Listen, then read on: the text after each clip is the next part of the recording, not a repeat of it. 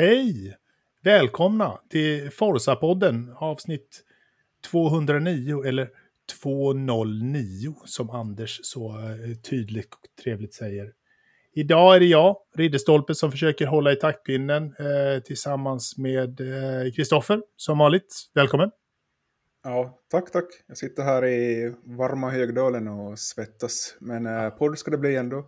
Ja, det, det jag, ger inte, jag ger inte upp som vissa andra i vår. Jag ska kolla ja, poddstudion. Men vi har ju en gäst med oss ikväll. Exakt, vi har en ny gammal, en, en bekanting eh, sen, sen förr. Gergej Farkas, vad trevligt, välkommen! Tack så mycket, hej på er! Hej på vad roligt att bli inbjuden och få Ja. vara med på Forza-podden. Det var några år sen sist. Det var ju ett tag sedan. Kan jag dra Säkert fyra kan jag tänka mig. på riktigt? Fyra år sedan? Nej, så länge sedan tror jag inte det var. Men vi, vi säger tre. Okej. Vi, vi kan än samsas om tre. Vi kan samsas om tre, för så gamla har vi inte blivit. Herregud. Nå, någonstans får det gå en gräns. Men för eh, våra nytillkomna lyssnare och tittare, vem är du? Mm. Mycket bra fråga. Eh, man kan säga så här att jag, jag, har, eh, jag har levt ett dubbelliv de sista tio åren. Och eh, ena halvan av det dubbellivet har handlat väldigt mycket om att skriva och prata motorsport. Ehm, jag började 2011, 2012 för dåvarande svenska Eurosport och skrev om en massa eh, motorsport för deras webb, webbkanaler. Och så utvecklades det från det. Så jag har skrivit en del för dagspress. Och sista 6-7 åren har jag skrivit jättemycket för, för svenska automotor och sport. Både för webben och, och för tidskriften. Sen så har jag under två års tid nästan, eller åtminstone ett och ett halvt år varit med och gjort en konkurrent till er, Indiepodden. En kollega. eh, En kollega, ja, ja, okej. en kollega får vi säga. Ja, jo, jo, goda vänner var vi också. Ja, och Oh ja. kollegor. Små konkurrenter ibland, men jag var med och drog igång Indiepodden tillsammans med mm, två kumpaner, Ronny och Jakob, i början av 2020. Och det var en podd som... eh, Ja, podden levde i två år och jag var väl med första ett och ett halvt åren aktivt och, och bara pratade Indycar. Eh, och det var, det var ju superroligt. Så att det är väl lite om min motorsportbakgrund. Ja. Ehm, och varför jag antar att jag har blivit inbjuden. Du är inbjuden på grund av din enorma kompetens. Ja, tack så mycket. Tack Ja. så mycket. Definitivt. Hur, Eh. Många lyssnare undrar ju, alla våra gäster vi har så brukar vi fråga hur många säsonger de har sett att dra to survive faktiskt. Så, Eh, det, det måste man ju svara på. Jag har inte sett den se- senaste. Jag har sett alla utom den senaste, så det måste väl vara två va? Jag har inte sett trean alls. Nej, okej. det kommer en fjärde också väl? Är det fyra som har... Jag tror att det har kommit Ja. fyra. Okej, ni, Ja. ser, ni ser. Min höga kompetens till trots så är jag helt lost. Nej, men jag har sett alla utom den senaste. Jag tyckte... Jag, jag hann höra ganska mycket dåligt om den senaste eh, serien. Så att jag, jag orkade inte lägga tid på det. Men jag kommer säkert se ikapp den nu när man får semester och får lite tid, tid över. Men eh, ja, jag tyckte det var ett väldigt kul koncept från början. Men, men eh, det var kanske nyhetens behag som, som ja, dalade. Så länge, så länge du inte byter ut det mot den andra eh, tv-serien som Kristoffer gärna tittar på med, med förarnas flickvänner med istället. Så att den behöver vi inte se. Jag kommer aldrig se ihåg. Playmaker, heter det, är det så? Ja, exakt. Ja. Playmakers. Playmakers. Eh, Jag, jag har sett mera Playmakers än Drive to Survive, det kan jag erkänna. Okej, det har jag helt missat. det är helt okej. Jag, jag, har- jag tror att jag har sett någon, någon, någon trailer någonstans som Kristoffer har tvingat på oss eh, eh, utan vår egen vilja. Eh, och det räckte för mig kan jag säga. Du Ja. låter nästan lite kränkt. Nej, men jag gillar Drive to Survive, som du sa, första säsongerna, men sen, eh, sen har vi grillat den ganska hårt Ja. i den här podden. Men eh, det är alltid kul att höra liksom, vad de som jobbar med motorsport och skriver om vad de tycker. Liksom, Mm. För det är ju, för mig var det jag vet, alltså liksom, nu ska vi inte tala Proud to Survive för vi har mycket annat ro, roligare att prata om, men uh, jag tyckte man har använt rättigheterna inte fel. Kort. Mm. Ja. Men det, alltså när man får så mycket tillträde som de som producerar den serien får, då är det så lätt att utnyttja det och gå lite för långt. Mm. Och använda det lite för mycket för att berätta historier som kanske inte riktigt finns där. Så jag tror att det är, det, det, det är ett väldigt stort ansvar att komma så nära team och förare som, som de som producerar det där har, har fått. Och, ja, man kanske inte har varit superbra på att ta det ansvaret och spegla, det man speglar vidare kanske inte alltid har känts helt tillförlitligt. Men vad vet jag? Jag, jag uppskattar som sagt första säsongerna jättemycket och, och, eh, och nu är jag, ju, jag är ju gammal. Jag har följt Formel 1 i, gud jag tappar nästan hur många år, 35 år kanske. Men jag kan bara tänka mig hur det hade varit när jag var 10 år om man hade haft något motsvarande. Jag började kolla när jag var kring 10 år. Och bara, herregud, att ha den tillgången till mm. information och den inblicken vad som faktiskt pågår som, som det här ger en massa ungar. Och det, ja, det kanske är det viktigaste. Det drar ju in folk som aldrig tidigare har brytt sig om F1. Precis så känns det som att så här, ja, folk pratar F1 på ett sätt som jag aldrig upplevt på ja, drygt 30 år. Nej, men det är väl det som har varit den, den stora plussidan av det. Eh, liksom att vi får, får en föryngring och det är nog det som Liberty har haft som mål och syfte hela tiden. Mm. Men mina vänner, eh, Drive to Survive i all ära. Vi kommer att prata massor av andra saker idag. Vi har haft ett eh, lopp i Baku igår, eh, mitt på dagen. Vi har haft ett Indycar-lopp på Road America. Och det har eh, tavlan bakom Gergely är ju en Le Mans-tavla. Där har det också rullat fyrhjulingar över helgen. Ja, och dagen till ära så är jag helt Toyota-klädd. Dessutom. Eller hur? Ja.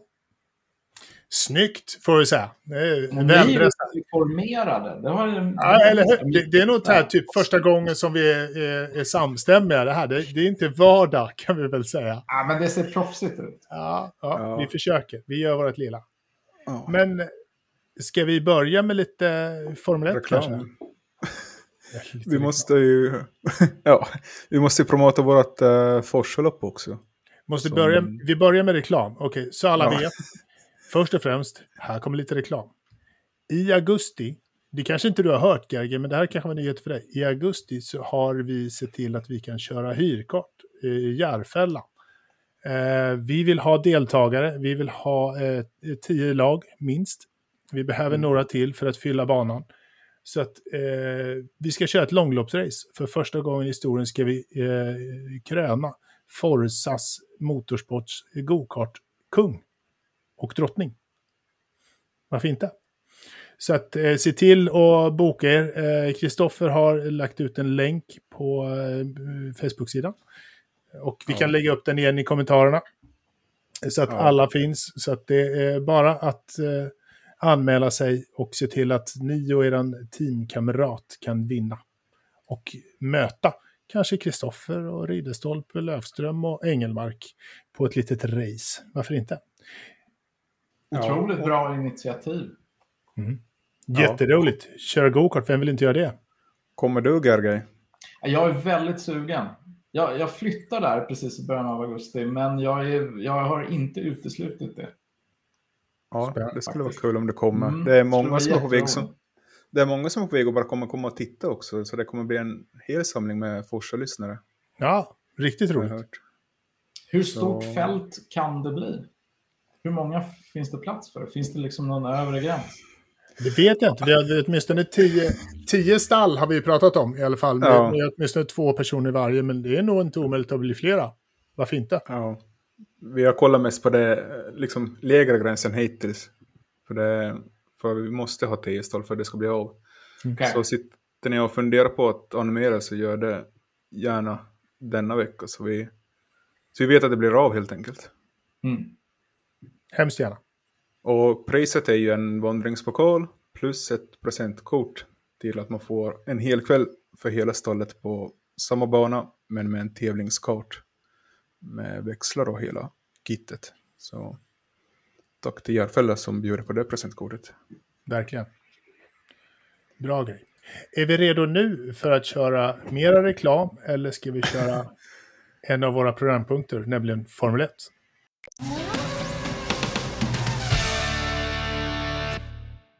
Race i Baku. Hur kan det gå eh, om inte med en Red Bull-vinst? Vad säger man? Var de så överlägsna eller var det en tillfällighet? Vad känner du, Kristoffer? Ja, Ferrari var ju snabbast på lördagen med god marginal. Men... Uh, ja. Jag gillar ju inte den här banan för det... Den är så påverkad av yttre omständigheter för att få ett spännande lopp. För att... Uh, fram till att Uh, Ferrari fick sina tekniska problem så såg det ut att det skulle kunna bli Perez, Leclerc, Verstappen på pallen. I mina ögon i alla fall. Men eh, det började ju ganska tidigt för Ferrari med Sainz som fick eh, problem med hydrauliken. Och sen några varv senare så gav Leclercs motor upp det. Lite på samma sätt som i Barcelona. Och eh, ja, det var ju ganska... Det var ingenting att slåss om efter det. Eller vad säger du Gergej? Nej, där gick ju luften lite ur loppet. På något sätt. Ja, det fanns ju ingen annan som kunde ta upp det. Nej, i alla fall om, om man tänker att det viktigaste som sker i loppet är ju kampen om segern och där, där var ju den på något sätt avgjord till Red Bulls fördel. Eh, och jag vet inte. Jag vet egentligen inte om det var någon som trodde att Perez skulle vara den som skulle få stå högst upp den här helgen. Jag, jag tror att med tanke på allt snack efter Monaco och sådär så var det ganska, ganska klart alldeles oavsett vad det berodde på att, att fick de chansen så skulle Verstappen vara den som, som tog hem det här. Men var det som så att de, de safeade när, när Perez fick ett nästan sex sekunder långt depåstopp? Var det Red Bulls sätt att safea att Verstappen tog över ledningen och kunde eh, defilera i mål eller var det ett sex sekunders stopp för att man hade problem? Jag vill inte tro att det var medvetet. Jag tror att det var medvetet. Alltså vad jag hört... Men du är en sån cyniker. Eller hur? Hemsk människa. Alltså jag, vad jag har hört så hade de problem med kommunikationen över radion. Perez och hans stall. Så och de var där... lite osäkra på vad de skulle... Man kan höra det själv om man lyssnar på radion. Det finns ju den möjligheten nu på F1 TV. Ja. Dels så kokade han sina bakdäck under den där första stinten när han försökte bygga en lucka till Leclerc. Jag vet inte om det satt ihop med sen att uh, de var lite osäkra på vilka däck de skulle lägga på. Eller vad det kunde vara. För det, det blev ju lite... Det blev en ganska tidig VSC och många gick ju det på lite tidigare än man troligtvis hade tänkt sig, mm. misstänker jag. Så det kan ju vara någonting där som ledde till att han kom in och man var lite sega med att välja vad som skulle vara på. Inte vet jag. Jag har inte fått någon, hört någon bra förklaring ännu till själva depåstopparna. Men uh, ja, Verstappen i sig så han hanterar ju det här loppet perfekt. Det fick vi höra resten av tävlingen också, att han gjorde ju bättre varvtider än vad stallet ville han skulle göra flera gånger under loppet. Ja, ja. Så... Men, det är ju lite, men det är lite så han är som person. När de säger 48 så gör han 47,5. Bara för att ja. visa att han är liksom lite Billy the Kid. Ja, kan vara. Jo, men, mm. men jag vill gå lite tillbaka till det du sa Kristoffer från början, att du inte gillar den här banan. Och, och där måste jag nog hålla med dig om att det är ju det är ju inte en bana som inbjuder till riktigt bra racing egentligen. Nej.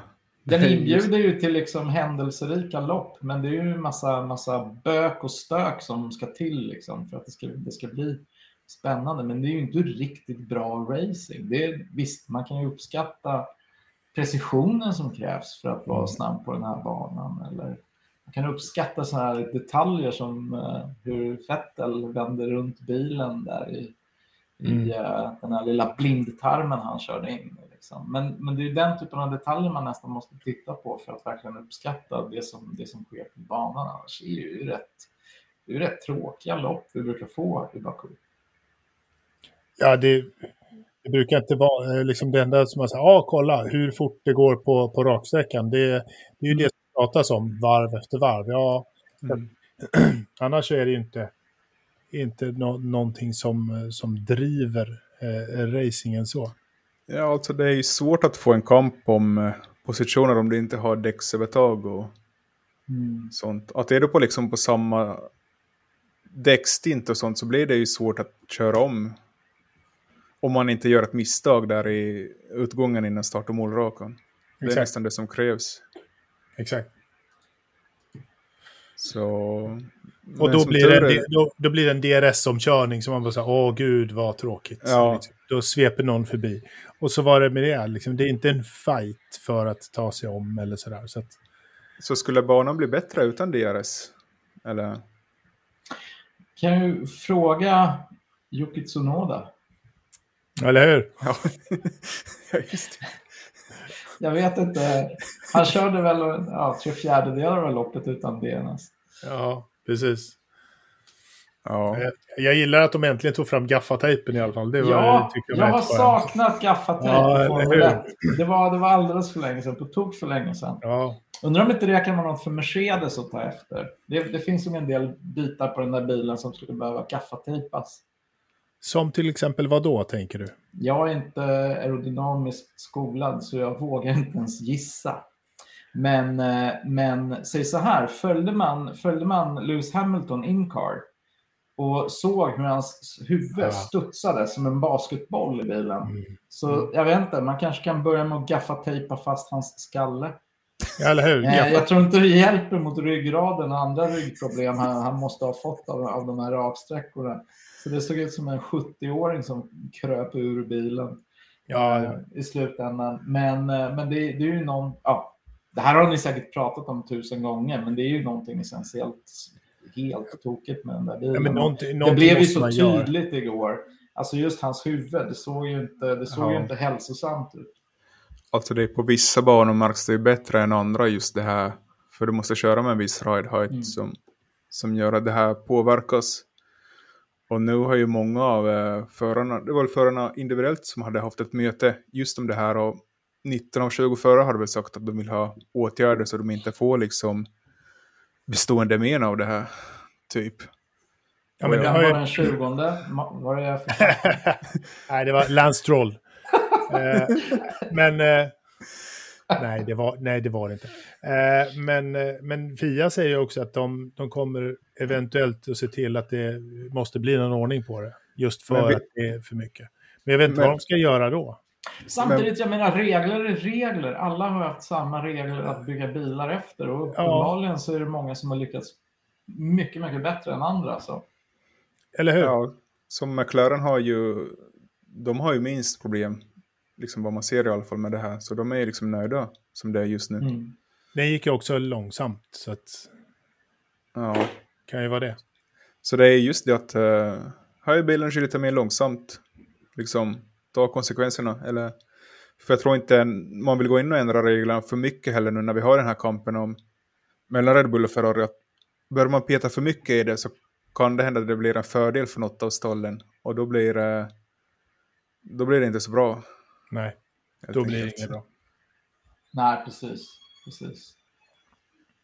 Just här finns ju säkerhet och hälsoargumentet som man kanske kan använda för att ändå pusha på åt det hållet. Men jag skulle nog rekommendera Fia att ha lite is i magen och avvakta och låta, låta aerodynamikerna hemma i Brackley försöka reda ut det där först innan man ger sig på reglerna. För att ger man sig på reglerna, även om man gör det i små, små, små detaljer, så är det så svårt att förutse vilka konsekvenser det får för de olika teamen. För att det är, det är så enormt komplexa paket. Så även om man tycker att man bara går in och pillar på en liten detalj så kan ju den detaljen vara kopplad till tusen andra saker.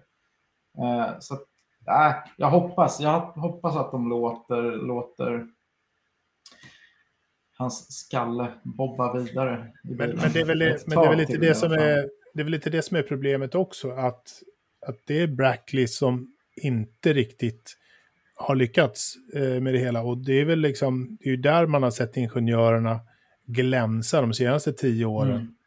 Och att de inte har lyckats med det mer än andra. Och eh, alpin har lyckats väldigt bra med det tillsammans med McLaren. Mm. Det är så här, varför de men inte, men inte Mercedes? Ja, jag vet inte. Jag vet inte, men jag är väldigt glad att det är så. För det är ett tecken på att systemet funkar. Ja, lite det, det var ju precis ja. det här man ville se med en så stor regelförändring som vi hade inför 2022. Det mm. var precis det här, den här typen av, av förändringar man ville se. Eh, och, och, vi fick det, så jag, jag är väldigt glad att det ser ut så här. Även om ja. det, det, och sen så, jag menar, vi får också komma ihåg att det är ett helt nytt reglemente från i år. Så gott som, speciellt aerodynamiskt helt nytt. Så det, det brukar ju ta något år innan regelverket sätter sig. Mm. Jag, jag, tror nog inte det kommer se ut så här nästa år. Nej, vi får väl hoppas det. Tror du den här luckan på en sekund mellan eh, topp eh, två stallen och resten kommer försvinna? Liksom i kval. Traditionellt har det varit så att vid stora regelförändringar så är det ofta toppstallen som, som uh, har snabbast kan anpassa sig till de nya reglerna och snabbast mm. kan få liksom en lucka. Och sen så ju fler år regelverket sedan är stabilt, då brukar fältet så pressas ihop och småstallen kommer ikapp. Jag misstänker att det är något sånt vi kommer få, få se även den här gången. Um, mm. Frågan är väl hur lång tid det tar bara. Ja. ja, för jag fick ju lite mothugg av en vän här i helgen att uh, jag tycker Mercedes sen Spanien framåt så har de ganska klart varit bäst av det rest redan i Miami. Och det är ju tack vare att de är ju ett stort stall. De har ju de bästa ingenjörerna. De blir ju inte sämre över en natt bara för att de misslyckas med en bil. Men uh, det verkar som andra inte har förväntat sig att de ska ligga så högt. Så mm. jag tror ju de kommer ganska snabbt. Sen vet jag inte tiden om det är i slutet av denna säsong eller om det är mars 2023 det blir de är i kapp. Det vet väl ingen, men eh, jag håller dem nog som fortfarande som ett väldigt bra stall. Jo, men så här, det, det har vi ju också pratat om tidigare i podden och sagt liksom att stommen i Mercedes-bilen är ändå, det är en bra bil någonstans där inne.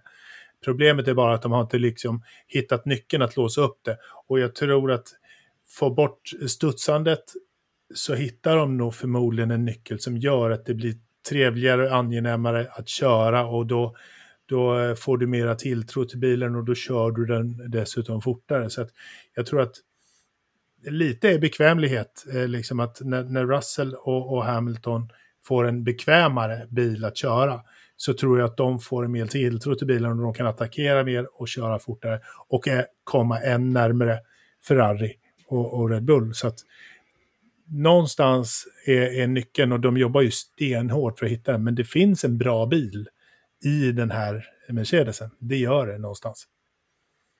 Så är det ju. Men mm. senast nu igår så hade ju eh, Ferrari förmodligen en katastrofhelgen för, för året, får vi väl hoppas. Men i början av året så hade ju Red Bull katastrofhelg på, på rad. Mm. Har de helt och hållet bytt, bytt platser totalt nu så att det är Ferrari som har eh, den otillförlitliga tillförlitliga eh, motorn medan Red Bulls Honda eh, kommer att ticka på resten av året. Var, liksom, var det en one-off att Ferrari eh, crashed and burn? Eller finns det risk för att det ser likadant ut kommande helger? Vad tror ni? Jag har en känsla av att när, när en säsong börjar rulla ifrån Ferrari så brukar de vara ganska dåliga på att, på att fånga bollen. Alltså när, mm. när de väl får mycket motgång, tekniska bekymmer, så brukar de vara ganska dåliga på att återhämta sig från det. ja. jag, jag, vet inte om jag vet inte om man kan dra några slutsatser från det, men, men jag hoppas att det inte är så. Jag, jag menar, optimalt vill jag gärna ha Ferrari-bilarna där uppe och vara med och slåss om, om titeln in i det sista. Det sista man vill efter alla tråkiga Mercedes-år är ju att, att uh, Verstappen bara rusar iväg ner utan någon, uh, någon egentlig konkurrent inom teamet. Det vill man inte se. Liksom. Utan man vill ju ha fight in i det sista. Och från det perspektivet så vore det ju väldigt synd om det blir så som, som, jag, som jag pratar om. Så att jag hoppas att det inte är så. Men det, men det är också så att det är lite att Ferrari har, deras formkurva pekar ju inte uppåt de senaste racen utan snarare tvärtom neråt. Med mm. bottennapp nu och senast. Så att, eh, det är inte helt omöjligt att du, du, har, du har en en sån vi. Vi får hoppas att mm. den planar ut. Vad känner du, Kristoffer? Men Ferrari har ju ändå tagit pole senaste ja. fyra loppen och ja. de har ju ändå tagit pole, vad är det, sex av åtta lopp, så de är inte... Du menar farten. Leclerc? De, men, ja, exakt, den. Ja. Monegasken. Men äh, så de har ju farten och det här sa de ju i början av säsongen att de ville satsa mer på fart än tillförlitligheten. För att man får ju göra uppdateringar angående tillförlitligheten. Ja. Men är, är, det någonting där som de inte lyckas med då? Att ändra de här tillförlitlighetsgrejerna? Det känns som om de har målat in sig lite i ett hörn att, att de kanske kommer måste ta den här...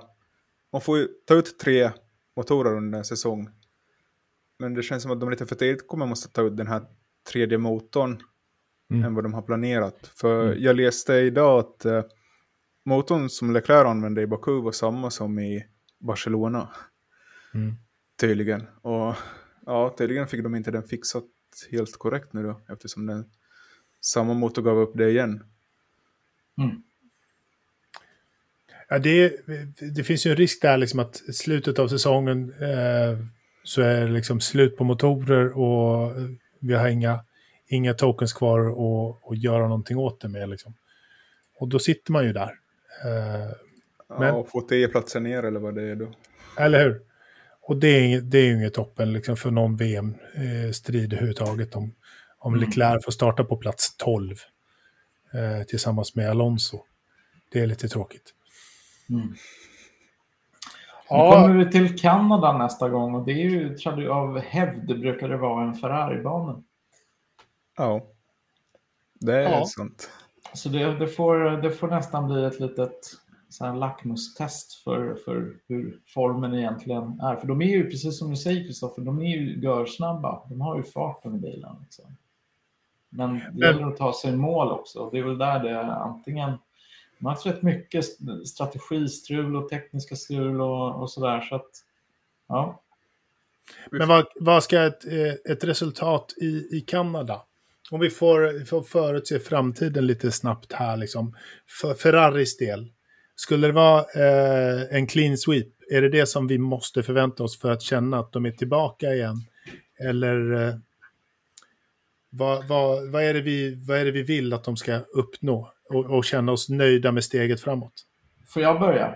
Mm, varsågod. Jag, jag tror att efter den här helgen i Baku så skulle det faktiskt räcka med en, en clean helg, två bilar i mål, schysst poängplats. Jag tror bara det skulle räcka för att, för att återupprätta någon slags, någon slags positiv anda och tillförsikt inför framtiden. Sen visst, jag menar ju högre, ju högre placeringar desto bättre, desto fler VM-poäng. Men inget är ju kört än. Liksom. Vad är det vi har klarat av? En tredjedel av säsongen kanske. Så att det är ja. fortfarande så otroligt mycket kvar att köra om. Men jag tror att Ferrari är ett sånt där team som om liksom den här en, negat en negativ anda sätter sig i Ferrari så tror jag att Ferrari som team, som organisation har lite svårt att jobba sig ur det. Att gräva sig ur gropen och bara kavla upp ärmarna och, och bara komma tillbaka. Till skillnad från det, jag tror att en del andra team är lite bättre på det. Mm. Det där har jag funderat mycket på genom åren. Eh, inte bara det här, men överhuvudtaget Ferrari som organisation. Eh, och hur Ferrari har förändrats som organisation över, över tid. Och tänker jag på Formel 1 verksamheten. Jag, jag, tror att det är en ganska annorlunda verksamhet att leda och styra än, än många andra F1-team och racing-team på den nivån är. Uh, inte minst för att det, det är en sån italiensk uh, nationell angelägenhet. Till skillnad från i princip alla andra stall. Liksom. Går det dåligt ja. för McLaren så blir det ändå inte ramaskri i, i, bland engelsmän i gemen. Men det blir det om det går åt helvete för Ferrari. Och det ska riskera att liksom, sätter man en sån negativ bild kring hur säsongen går så riskerar att få återverkningar på hur den här organisationen funkar. Och det, det tror jag de har svårt att ta sig, ta sig tillbaka. Så att, ja, schysst stabilt resultat från Kanada tror jag de behöver. Ja, vad tror du Kristoffer? Tror du krävs det en, en, en dubbel, 1-2, eller räcker det med en pallplats och en fyra? Ja, de vill väl ha en 1-2 och jag tror den kan komma ganska snart, men eh, sen, sen, så börjar det kännas som att Science mer och mer inte hänger med Leclerc och båda Red Bullarna. Där tycker jag det kanske har lyckats sämre med att bygga en bil som passar två förare än Red Bull. Och det ser man ju också i poängen nu när eh, de leder ju ganska massivt i konstruktörs-VM. Var det 80 poäng tror jag Red Bull ja, jag tror det. leder över Ferrari. Det är ju sjukt redan så här tidigt in mm på säsongen. Så, och Carlos Sainz är på femte med 83 poäng och Leclerc på 116. Så det, ja, de måste nog dels se till att Sainz är jämnstark som Leclerc och sen försöka komma ut ur det här hörnet som, där de sitter med motorn. Men om de får det fixat redan till Kanadas GP, det, det är lite för kort tid känns det som att de har på sig. Om de har flyt kan det gå bra, men äh, det kan hända att det tar först i Storbritannien innan de kan komma tillbaka riktigt starka. Det är min känsla. Men det, så det, när, när Sainz gick eh, till Ferrari så fick man ju en dynamisk duo. Det, verkligen eh, två stycken eh, up and coming förare i samma stall. Man såg eh, långsiktigheten i satsningen, man såg liksom hur bra det här skulle kunna bli, verkligen, och fortfarande kan bli. Jag ska inte säga att det är kört på långa vägar, det, det här kan bli precis hur bra som helst, för jag tror att de här två också funkar bra kemimässigt tillsammans, Science och Leclerc. Jag tror att de har väldigt bra teamanda och, och driver teamet mot samma håll båda två. Så att, eh, nej men jag tror, jag tror precis som Gerger säger, eh, bra resultat, inte nödvändigtvis clean sweep, men en bra helg, eh, få in lite ny positiv anda i teamet eh, och sådär. Och kanske knapa in några poäng på, på förstappen. Eh, det vore väl bra. Men eh, så vi får hoppas på det i, i, i Kanada, det kan man väl säga. Verkligen. Och ett bra resultat för Sainz. Jag tror att han som förare behöver ett riktigt bra resultat. Han skulle, ja, var, behöva... han skulle göra en check liksom. Han skulle behöva vinna. Ja, jag tror ja. det också. Bollen skulle behöva liksom studsa hans väg. Mm. Eh, för han har ju också, ja men ni vet, haft lite små missar, haft lite stora missar, tekniska bekymmer. Han skulle behöva få med sig ett rejält bra resultat. Mm. Det vore ju bra för just den här interna dynamiken också med, med Clark som du är inne på. Ja, precis. Ja. Annars så blir det övervikt och, mm. åt, åt och det är, inte, det är inte positivt heller i längden. Ja, det känns märkligt för att när jag var på plats på, jag var ju på plats i Bahrain och Imola och där var ju mm. liksom Ferrari-favoriterna i det skedet av säsongen. Så det har svängt mm. väldigt snabbt mm. efter fyra lopp till. Nu är det ju, mm. man liksom börjar räkna nästan bort Ferrari från titelfighten. Men det, det kan ju gå fyra lopp till så föra tillbaka i eh, liksom Ja, absolut. Håller, Men håller är inte det här också ett sundhetstecken? Det här är också ett friskhetstecken. För att det, jag tycker om när F1 funkar på det här sättet. När det böl, en säsong kan bölja lite fram och tillbaka. Eh, och det, det är ju länge sedan vi, vi såg det där. Ja, vi hade väl förra året med Verstappen och, och Hamilton när de verkligen så här, ja. det var ju helt magiskt när, när de verkligen. bytte plats och, och ja. tog, tog ikapp 25 poäng på ett par mm. lopp och, och, allt så här. Det är oslagbart liksom. Så att, och det är så mm. man vill ha det. Man vill ha en tight kamp om, om toppen och det är det vi vill önska att Ferrari mm. kommer tillbaka. Men ja. apropå Ferrari och Italien så måste jag säga att vi har ju ett litet Forza-flyg, Kristoffer, som vi skulle vilja ha. Någon mer plats finns det väl på Forza-flyget till, till Monza, eller? Nej, det är slutsålt. Är det fullt? Ja. Ja, men dra med baklänges. Vad häftigt. Ja. Ja, Se där. tyvärr. Ja. Det är slutsålt. Men uh, ja. Alla, så är det. Som, alla som vill får väl hänga med på Forza-flyget nästa år, 2023. Då eh, vi kan ta in röstningar till vart vi, ni vill att vi ska åka med er då. Så kanske Ja. det blir en eh, resa eller två. Vi får väl se. Ja, tyvärr. Men uh, biljett, läktarbiljetterna är slut. Det är ju typ till vad alla lopp förutom Abu Dhabi. Det är enda loppet det finns biljetter kvar till. Men de kommer väl, De tar väl slut om Förs- dem också. ja.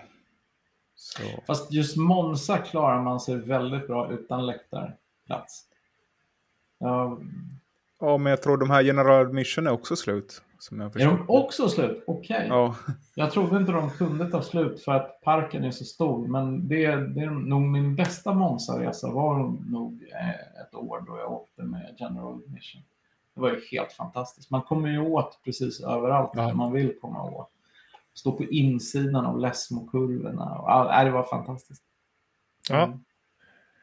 Spännande. Vi har en liten programpunkt här som heter Kristoffers skåp. ja Kristoffers skåp. Vad hette det? Skåp. Kri- Kristoffers- skåp. Okej. Skåp. Eller Scoop. egentligen. Okej. Ja. Jag har- Det är bara min dialekt som, som gör sig påmind. Vad, har du något scoop för, för veckan? Ja, vi nämnde det ju lite här med Azerbajdzjans GP och Baku. Det verkar som att eh, uh, Azerbajdzjan behöver nog ändra lite grejer för att, för att få vara kvar på kalendern. För att deras kontrakt går ju ut eh, nästa år. Och fast de skjuter in pengar så verkar det inte vara tillräckligt. För man vill ju, F1 vill ju modifiera kalendern lite så att det blir mera liksom, miljövänliga rutter mellan loppen. Och de vill väl inte bara ha... Man måste ju tänka att Baku och Azerbajdzjan kom ju till när Bernie var chef och då var det ju bara pengar som räknades. Men eh, Liberty Media ser ju på annat än bara pengar. Och visst, det är ju fint om det kommer in 50 miljoner dollar från någon liten stat som har onödigt mycket pengar. Men äh, det har ju inte dragit publik någon gång och ja, sen har ju det här landet kopplingar till Rysslands ledare. Så det finns mycket frågetecken faktiskt om det kommer vara kvar efter nästa år. Eh, och jag skulle ju, som vi sa tidigare, jag skulle väl inte gråta så mycket om det här loppet försvinner. Eller vad tycker ni? Nej, jag skulle nog inte ska sakna det. Det verkar vara en fin stad då. En stad man skulle kunna åka till på semester. Men jag skulle inte sakna Formel 1. Nej. Nej, ja, det känns en, eh, som en helt okej parentes i historieskrivningen. Det behöver inte, det känns inte som att det kommer att bli så mycket mer än så. Just det, den, den här grejen med så här hypersnabba stadsbanor. Alltså, tänk på Saudiarabien också. Jag, jag vet inte riktigt om jag går igång på det. Det, det är någonting med dem som känns lite... Jag vet inte. Nej, alltså så jag- har ju hellre en bana som Portimao eh, alla Ja. dagar i veckan. För där det, där det är mera dynamik än, Precis. än vad det är för start och stopp. Liksom, och köra fort som fan och sen bromsa. Eller på. Ja, exakt. Eller ja. Macau. Ja. Eller för all del Monaco med mindre bilar. Och då menar jag inte färre utan verkligen mindre bilar. Mindre, Det är, precis. ju, det är ju enda felet med Monaco är att bilarna är alldeles för stora. Ja. Men hur som helst, jag, jag, jag tycker det blir ofta inte så jätterolig racing på, på de här jättesnabba Ja. stadsbanorna. Där det inte finns någon som helst marginal, men det går ändå jävligt fort. Undrar om inte Las Vegas kommer att bli en sån här också. Las Vegas kommer att bli precis en sån. Och jag, jag är rädd för att det kommer att vara så här sjukt underwhelming. Underväldigande heter det på svenska. Ja. Eh, tillställning. I alla fall när det Ja. gäller racingen. Sen kommer det säkert vara helt fantastiskt roligt. Och, Showen kommer att slå allt, men racingen ja. har vi inte så, sådär. Mm. Mm. Men Ja. har du någonting på, på förarmarknaden? Eh, det Ja. står lite små noter här i mina papper. Vad, vad är det? Ja, det blossade upp här i helgen så var det ju först australiensisk media som, som skrev ganska brett att eh, Kanada skulle bli det sista för Latifi och Piastri ska in då till Storbritanniens GP mm. som är första helgen i juli. Men eh, sen har ju lite fler, eh, lite mer säkrare källor dit i ränken och skrivit samma sak och sen uh, The Race sa, men de säger till 2023. Men grejen är för att Piastri har tydligen ett kontrakt där det står att tills juli 2022 måste han liksom få bekräftat att han kommer köra i F1. Jag vet inte om det gäller för i år eller liksom till nästa år, men att det liksom står där att han blir en free agent om alpin inte har löst den här, mm den här sitsen åt honom. Det är alpin som har pushat på för att hitta en sits till Piastri för att inte tappa ja. honom för framtiden. Exakt. Och jag har ju sagt här tidigare på den att Nick DeVries var ju intresserad av den där positionen, men uh, han verkar ha fått lite bättre uh, offerter då från, eller vad man ska kalla det, i kontrakt i både veck och Formel E, så han, uh, det ser ut, ser ut som att Piastri tar den här platsen nu då. Plus att Williams spanar lite på att ta in Renault som leverantör. Så det skulle ju bli ett bra samarbete där. Eller vad, vad tror ni? det, det klingar ju bra, Williams Renault. Eller hur? Det är ett partnerskap som har fina anor. Uh, och nu kanske Williams har liksom mjölkat här samarbetet med Mercedes som motorleverantör så mycket de någonsin har kunnat och ändå kommer de ingen vart. Så att det kanske inte är så dumt att tänka lite nytt.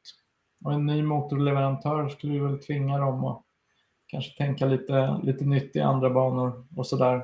Eventuellt få dem att komma någon vart. Men framförallt vore det jätteroligt att få in eh, Oscar här. Jag tror att det skulle vara eh, lite, lite nytt blod och jag är väldigt spänd på att se hur han presterar i Williams. Eh, jämte Albon som har fått en andra andning på riktigt. Verkligen har, har mm. lyft sig i år när han kom tillbaka. Det är roligt att se. Sen ja. är det, det, det kanske är hårt mot Latifi. Han, han verkar ju vara en skön, snäll kille liksom. Men, men han, han, han är, verkar inte utvecklas. Det, det är väl helt okej okay med förare som kommer in i F1 och, och ger intryck av att vara lite lost och liksom inte, inte riktigt komma någon vart. Men, men nu har han ändå hängt med eh, ganska länge och han kommer liksom ingen vart. Det är inte som att han jobbar sig särskilt mycket närmare Albon. Nej. Snarare tvärtom. Han har ju inte haft en lysande säsong i år. Det Nej, kan man ju lugnt säga. Han har ju verkligen, han har ju mest kostat pengar. Mm, I reservdelar. Eh, det är ju det som är ett problem också. Kanske. Och det, och det är lite det också med budgettaket idag. Att fast du har då mm. en jättebra sponsring så när du bara får spendera x antal då, så då blir det ju då ändras ju den här kalkylen att du behöver inte ha in massor med pengar och du kan ha en lite bättre förare som tar poäng istället som stallet kan vinna hem från prisbotten. Och inte liksom som Latifi gör, han kraschar ju bakom säkerhetsbilen i Monaco. Det var ju en grej som han fick mycket kritik för. Inom stallet också har jag hört. Ja. Jag, är sån där, jag, jag, vill alltid ha in nytt blod. Jag tycker alltid ja. liksom, dags att kicka folk och ta in nytt. Det, det, ja, så det är en sån du... trång värld liksom. Så jag tycker alltid man ska, man ska hellre sparka än, än att behålla folk. Så du tycker finns... att Alonso har gjort sitt? Nej, men han har inte stagnerat. Alltså jag tycker så länge du, slår, så länge du slår din stallkamrat någorlunda regelbundet så, så ja. är du välkommen i min värld. Ja, okay. men, men visst, jag, jag är ju... Jag har försvarat Alonso lite för mycket genom åren kanske. Kanske. Det var, kan det vara lite lågt hängande frukter. Jag ber om ursäkt. Det var inte meningen. ja. På tal om äh, gamla talanger också så ser det ut som att äh, Mick Schumacher inte kommer få någon fortsättning i, i Haas. På grund av samma problem. Vad ska han ta vägen då? Åker han ut? Ja, om inte han går till Aston Martin så var det, är det sista säsongen. Säger det är helt okej okay med mig. det han, ja, han, jag, jag, jag kommer inte sakna honom heller. Jag, jag tror inte han hade kommit till F1 om det inte hade varit för hans namn. Nej, så är det nog. Så är det. Definitivt. Och han såg liksom bra... När han körde mot Nikita så var det perfekt för honom. För han liksom... det var nästan tur att han fick Nikita som stallkamrat då. Men nu när han fick en etablerad förare som ja. Kevin ändå är så... Det ser ju inte bra ut för honom. Nej. Nej, precis. Och det, det blev ju så tydligt så fort uh, Kevin kom in. Mm. Och la ribban på en nivå som, som ja, Schumacher inte ens är i närheten av. Liksom. Och det gick ju väldigt fort att lägga den ribban, vilket i sig är, är tycker jag är sjukt imponerande för någon som har varit borta från F1. Och, eh, för det är ingen, visst, Schumacher är ingen slöfock liksom. Men, eh, men det, det tog ju väldigt lite till, tid för, för uh, Magnusen att ta kommandot i teamet. Det, det tycker jag är rätt coolt. Ja. Jag tror att Kevin också njöt av att vara borta en tag. Han, han, hamnade i, han hade hamnat i en ganska dålig spiral mm. och, eh, och behövde byta omgivning. Och kom tillbaka till ett litet annorlunda team också. Lite samma familjära som han kom till när han kom till Haas från början när de fick bygga upp det och sånt där. Men sen så blev det lite dålig stämning och det gick dåligt. Ja. Och komma tillbaka med lite nytt eh, och känna igen sig och känna sig hemma. Jag tror att han... Eh, Just det. Han, han var nog den som, som... Det fanns nog ingen annan som kunde göra det bättre än Nej. när han kom tillbaka. Eh, så är det, med, med sin historik. Och jag tror också att, jag håller helt med dig, och jag tror också att han använde tiden på ett väldigt bra sätt när han var borta från F1. Han hade roligt. Ja, han körde Le Mans med mm. sin farsa. Eh, han gifte sig, han har fått en dotter och ja, men han verkar ju liksom ha... Jag vet inte, han verkar vara mycket mer stabil och trygg. Ja. Mag Magnusen ja. nu när han är tillbaka och det, det märks också i bilen. Även om, det kan, även om man kanske fick lite så här, överdrivet stora förväntningar på Haas-bilen från början av säsongen och försäsongen. Men men eh, nog 17 finns det kapacitet i bilen och han verkar vara väldigt duktig på att dyrka upp den kapaciteten till skillnad från Schumacher. Mm. Mm. Man kan kanske jämföra lite med när Kimi Räikkönen var borta två säsonger mm. och Exakt. kom tillbaka. Och ja, liksom, han var lite på nytt född han också. Mm. Inte lika... För han... Ja, vi ska inte prata så mycket Kimi Räikkönen nu, men han mådde också lite dåligt 2009 har man kunnat läsa mellan raden. Det var inte liksom bra och det var detsamma för Kevin där sista året i Haas. Precis. Så. Mm. Precis, jag menar det Ferrari som han lämnade då, det var ju Ferrari som, eh, som eh, höll på att kratta manegen för Alonso. Mm. Så det var en ganska toxisk miljö Räikkönen lämnade när han lämnade ja. på den tiden. Ja. ja. Hörrni, ni, eh, det har snart gått en timme och jag tror att det är dags för oss att fundera på det andra loppet som gick i helgen på Road America och prata lite Indycar. Vad säger ni?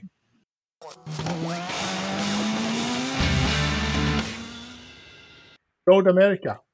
En bana som jag tycker är helt fantastiskt rolig. Det är liksom Marcus älskar den också och den är allt annat än vad Baku är och står för.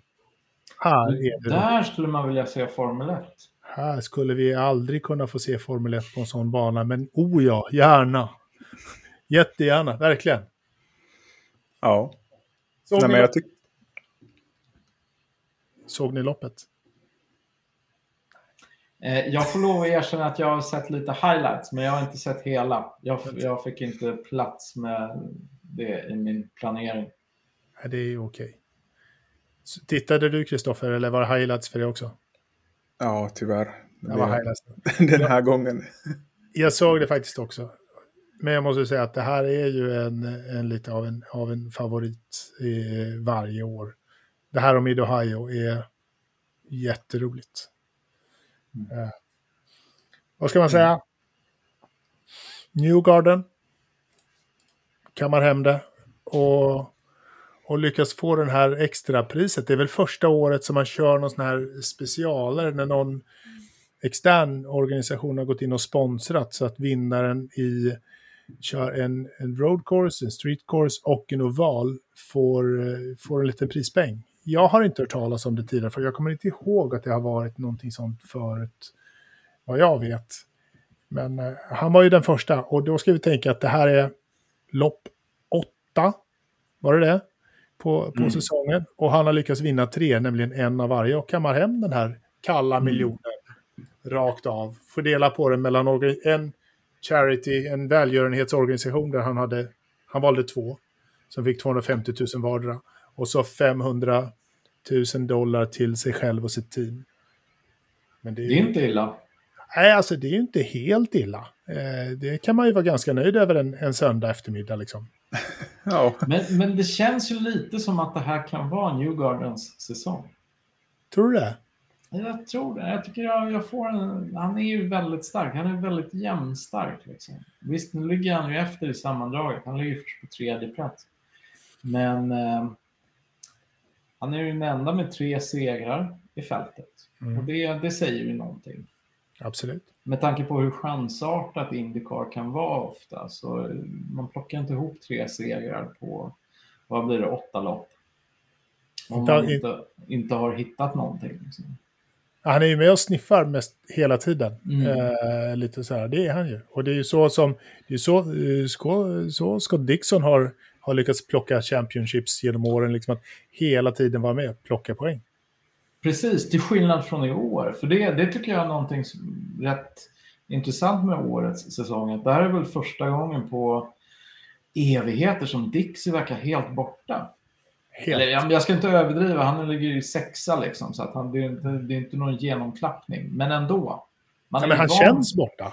Han känns inte med liksom. Nej. Jag håller med. Uh, I teamet så känns han inte alls med, bara för helt plötsligt så Marcus. Marcus, Palou har tagit över rollen som etta.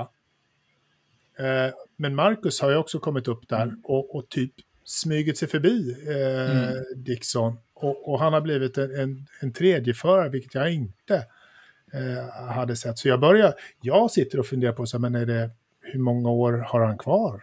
Han är ändå inte purung längre, han har kört mm. länge, han har vunnit allt om och mm. om igen. Var, var, var hittar han drivkraften, eh, liksom om det börjar gå emot? Då är det nog inte långt borta att han bara, ah, nu får någon annan köra. Jag tänk, ja, absolut, och jag tänker också på den nivån han har varit. Man, han måste ha vant sig vid en, en nivå av framgångar som en sån här säsong kommer ju såklart inte ens i närheten av. Så att, jag undrar var motivationen kommer ifrån. Mm. Liksom, mm. När man är i hans ålder, kört så länge som han har gjort. Eh, och inte ens någon seger halvvägs genom säsongen. Alltså det, måste ju, det måste ju... Jag vet inte. För en sån här kille som, eh, som Marcus Eriksson som eh, fortfarande har så en lång, bit, lång karriär framför sig och jättemycket kvar att slåss om, jättemycket kvar att bevisa. Så eh, är det ju en sak att mm. starta säsongen mediokert. Eller för, för Felix. Det kanske är ett bättre exempel. Ta någon som inte har vunnit Indy 500. någon som Scott Dixon som har vunnit allt och gjort, vunnit det mesta flera gånger. Ja. Vad, vad, är, vad motiverar en när man liksom halvvägs in i säsongen?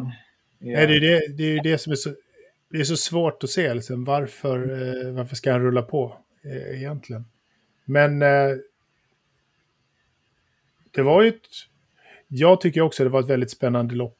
Eh, jag gillar Indycar på, på Road America eh, och jag gillar speciellt att se en sån kille som, som Colton Hurta som återigen gör ett halvkackigt eh, kval, men kör upp sig. Eh, och, och liksom det, han är alltid en fröjd att se när det blir inbromsningar eller ytterrökare som typ Alonso.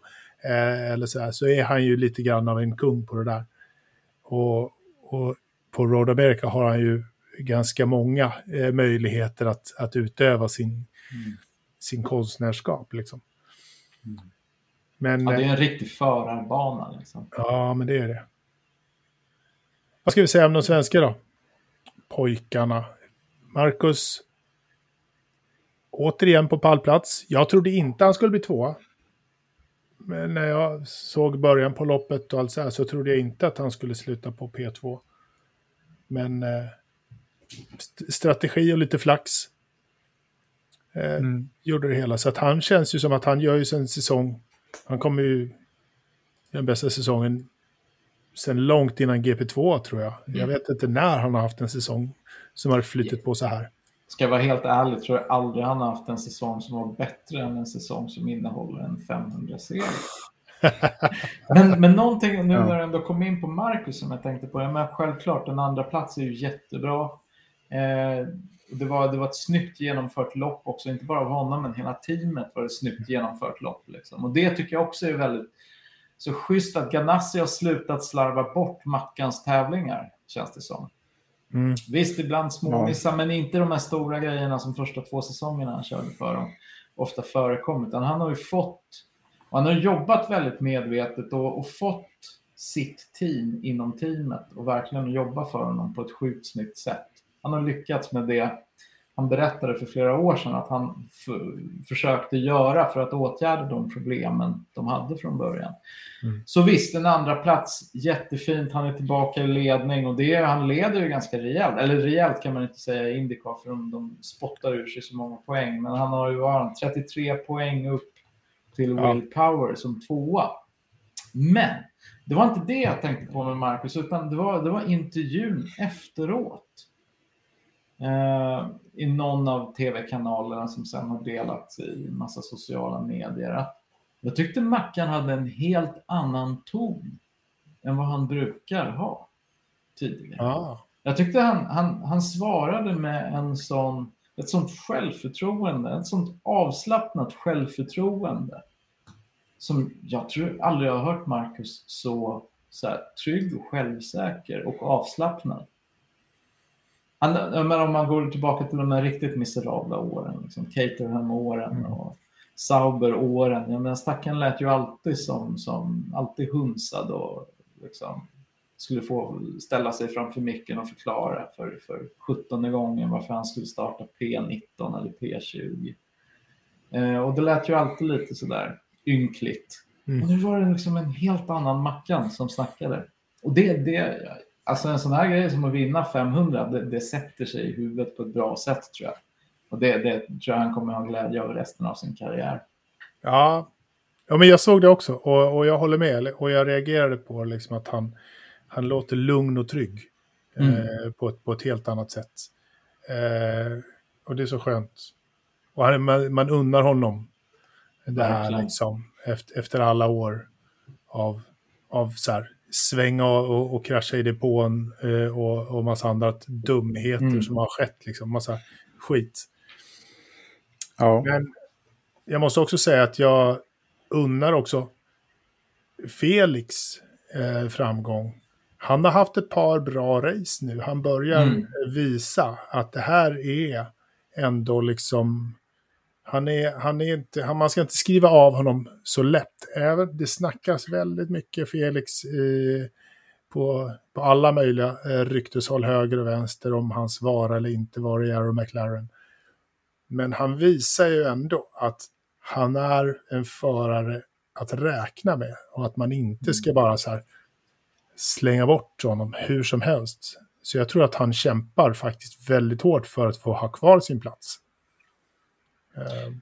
Det tror jag också. Det tror jag också och, och jag håller med. Jag menar, herregud, han ligger ju åtta i sammandraget och det är verkligen inte någon katastrof.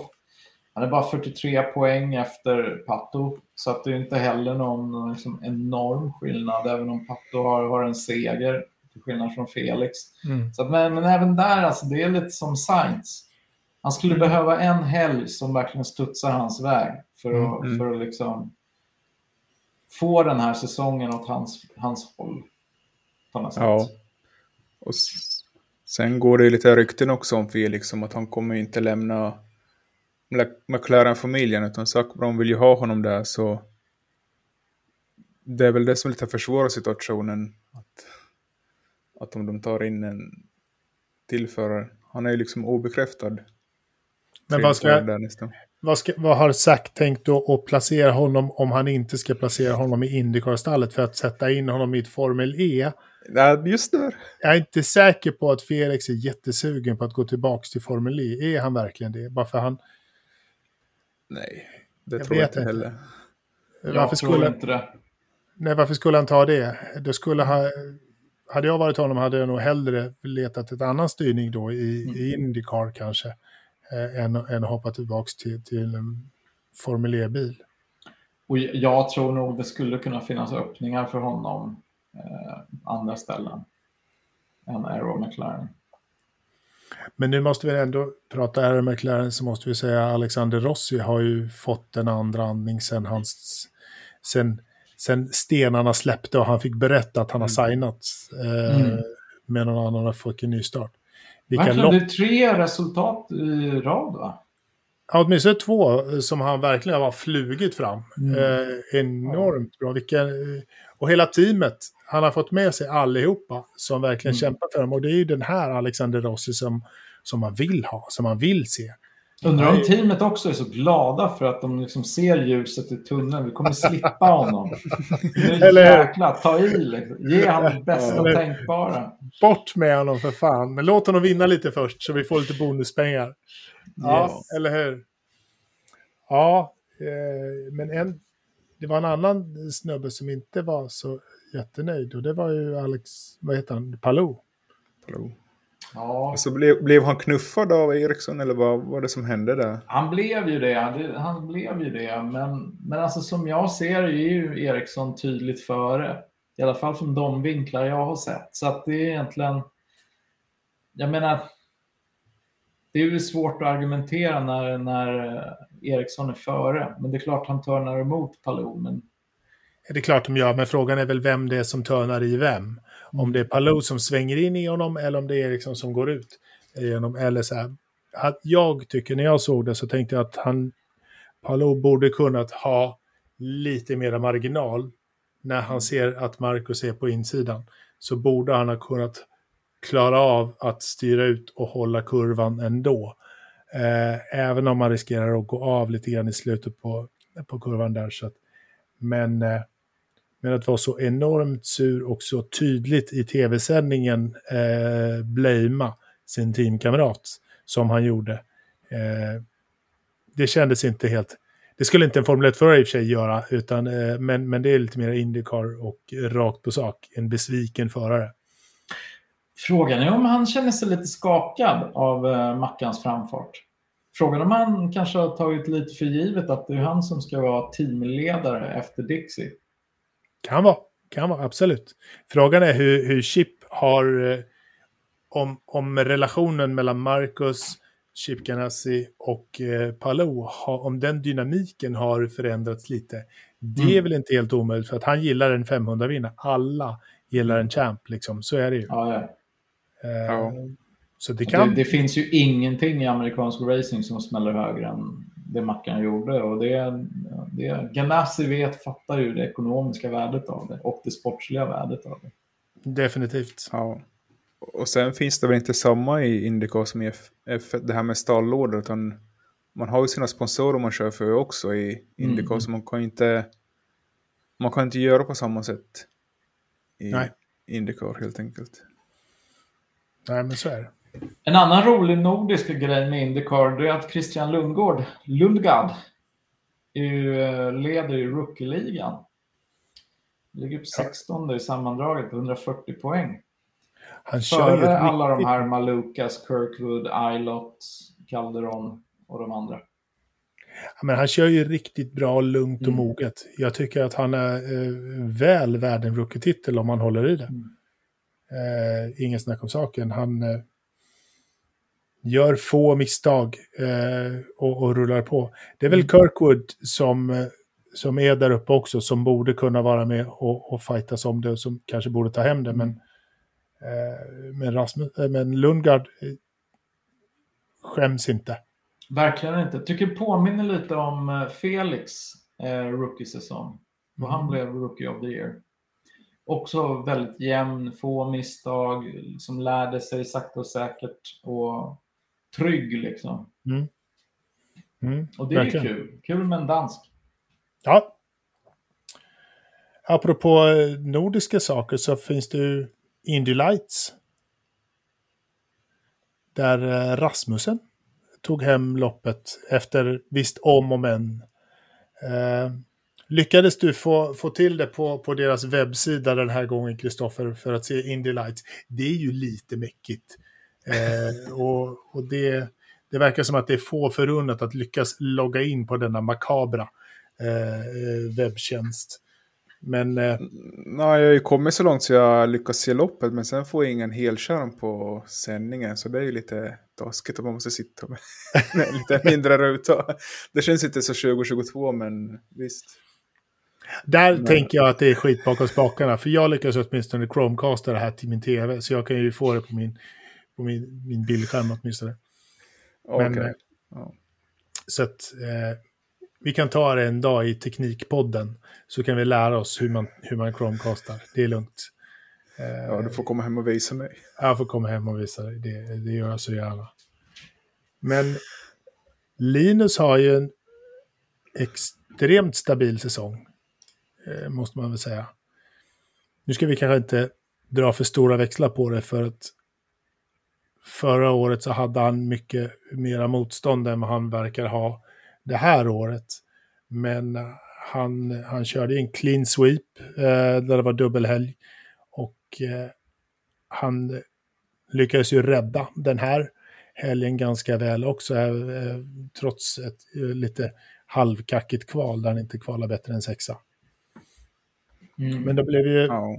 om ni inte såg det så var det en ordentlig krasch där mitt, på lopp, mitt i loppet där han, eh, Bogle eh, fick eh, en liten flygtur. Eh, så att säga, så att eh, framvingen rev sönder nästan 20 meter av stängslet. Eh, som, som fick lagas. Det kunde gått riktigt illa, får man väl säga. Så mm. han hade bra flyt att det inte gick sämre. Men hela bilen åkte rakt upp i stängslet och, och, och rev ner det så de fick pausa Indy Lights under tiden de lagade och sen blev det ett Indycar-lopp emellan så att de körde färdigt de sista tio varven efter Indy-racet. Eh, så att det blev ganska oh. långt. långt det var lite ovanligt. Ja, kan man säga. Men i USA, eh, så, så här, it ain't over till the fat lady sings, så hon hade inte sjungit än, så att vad fan, vi kör det lite senare. Mm. Ja, varför inte? Ja. Föreslår det där till F2 som... Ja, ja. eller hur? Det var väl som förra, någon säsong sedan när de bara kraschade hela tiden. Man fick säga åt dem att lugna ner lite nu när, ja. Eh, när de höll på. Men uh, ja, dansk seger, rookie. Ja, Rasmussen. Första, första rookien som tog en seger i år i. Mm. Det är ju kul. Och han kör ju också bra. Liksom. Där har vi också en, en, en, en nordisk förare som är på väg uppåt, verkligen. Eh, Rasmussen, han ska vi inte eh, glömma bort när vi följer honom de närmsta åren, för han kan mycket väl ta sig hela vägen in i Indycar också. Se till att ha lite sponsring och, och paket med sig så, så går det bra. Han kör ju redan för Andretti Motorsport, så att han har ju alla förutsättningar att, eh, att komma vidare. Ytterligare mm. Eh, ett steg. Men, eh, men ska vi betrakta Linus som ohotad eller är det att säga för mycket? Han borde vara ohotad. Eh, han ska vinna eh, den här säsongen. Så är det bara när man ser på hans kapacitet och det han har gjort tidigare. Inte för att de andra är, är liksom kattskit sådär, men Linus ska ta hem det i år. Mm. Om han någon gång ska vinna så är det nu som gäller för att kunna få. Och vad jag hör så är det att det, han har ju mer än en teamchef som, som han pratar med i Indycar-nivå inför nästa år. Så att eh, vi hoppas. Eh, mm. och så får vi väl se hur mycket Jula orkar med och sponsra till, till en Indycar-satsning. Det vet vi ju inte riktigt. Men, Men han, var, han imponerade ju redan i fjol. Så jag hade ja. inte blivit chockad ifall han hade fått ta klivet upp redan, redan i år. Men, men med det här extra året i bagaget och bara han syr ihop pengarna alltså. Det bästa är att om man vinner så har han åtminstone tre lopp, varav ett är 500. är ju garanterat eh, med mm. något stall. Så det är väl det är ju bra. Och det är ju en reklamplats. Men eh, vi vill ju ha honom lite mer och det hade ju varit riktigt häftigt om, om han kom in. Och vi har ju spekulerat både hit och dit vad han ska kunna ta vägen. Men eh, mm. ja, ja, jag hoppas. Det var ju lite förvånande, nu pratar vi Lundgard igen, men uh, att han ganska lätt, inom citat lätt, fick en Indycar-styrning. Uh, vet ni vilka sponsorer som ligger bakom honom, eller är det mer amerikanska som har snappat upp honom? Faktiskt ingen aning. Nej, jag har faktiskt ingen koll heller. Eh, men jag vet ju att han hade ju bra... Så länge F1 fanns på kartan för hans del så hade ju han bra länkar till flera stall. Mm, Speciellt mm, nuvarande Alpin var han ju väldigt starkt länkad till. Men det fanns andra också som var intresserade av honom. Sen, men jag vet inte hur, vilka, vilka som stöttar honom nu för tiden. Ingen aning. Okay. Ja. Någon med djupa fickor kanske. Mm. Ja, och det, det finns ju en del i Danmark som har djupa fickor och ett stort motorsportintresse. Så. Ja, så är det. Ja. ja Vad står till... det på hans bil? Det vet ja. jag inte. Eftersom jag inte ser den framför mig så, så kan jag inte säga det. Eh, men det är väl någon som kan googla snabbt. Eh, ja, det får vi kolla upp lite sådär. Ja. Mijak. Mijak, som, som mm. eh, vad heter han, Takuma Sato. Mm. Det låter ju amerikanskt. Ja, det låter lite skrämmande om det är samma... Eh, ja, det gör det. Fast det står, det står faktiskt fortfarande alpin på hans, eh, på hans overall. Ja, se där. Det, kan det står lite... både alpin och Honda på hans overall. Det var lite, det var lite oväntat. ja, det är spännande. Ja. Sen är det shield cleanser också. Ja. Mm. Ja. ja, vi får se. Ja, jag, tror det, jag tror det inte är så svårt för Linus att uh, få till någonting faktiskt. Det känns som det är lättare Indycar än F1. Det är min lilla känsla i alla fall. Jag vet inte vad ni tycker men... Ja, det är ju så himla mycket mindre eh, pengar mm. i jämförelse. Men det är fortfarande... fält. Det är fortfarande det som är Linus problem, är ju, är ju sponsorpengarna. Liksom att han, eh, han har inte riktigt haft den backningen eh, som krävs. Visst, Jula går in, men det är inte några gigantiska summor som, som de har sponsrat honom med. Men, eh, men förhopp förhoppningsvis så har de, nu har de gått in och varit eventsponsor åt honom ett par rundor i taget. Så jag hoppas att de känner att de får tillbaks eh, tillräckligt med marketing för att eh, gå in med lite mera pengar till, till ett nästa år. Det hade mm. varit väldigt roligt. Um, men vi får väl se. Nu är det lite... Nu stannar de kvar. Road America testar eh, lite grann. Och eh, kör runt lite grann innan det blir eh, Mid-Ohio.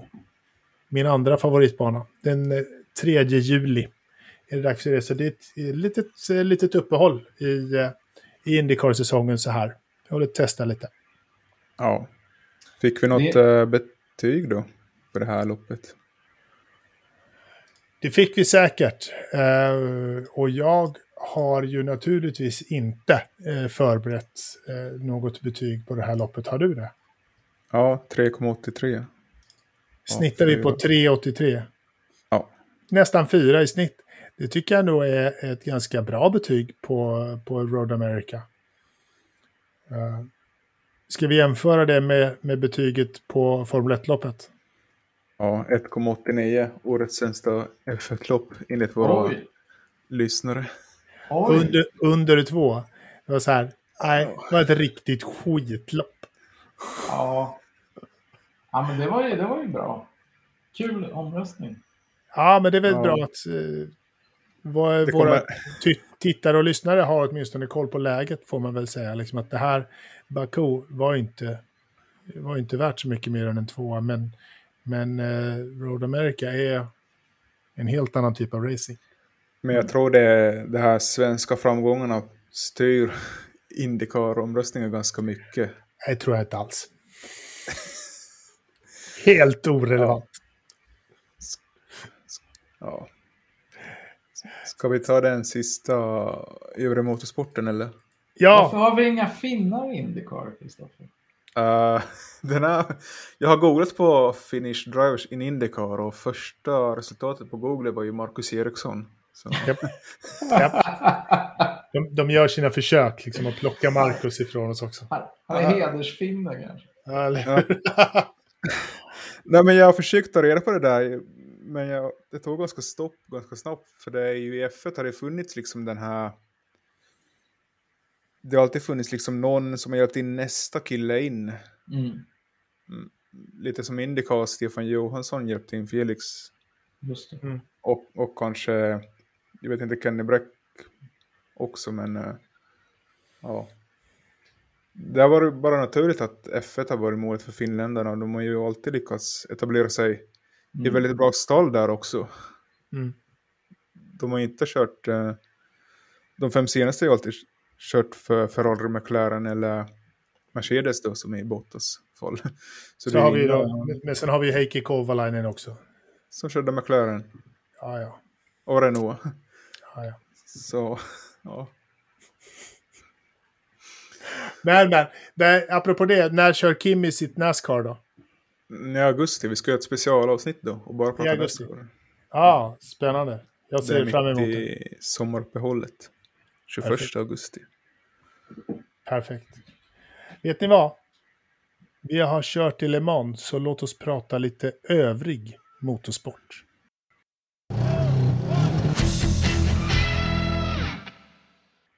Sergej, ett av dina paradämnen genom åren.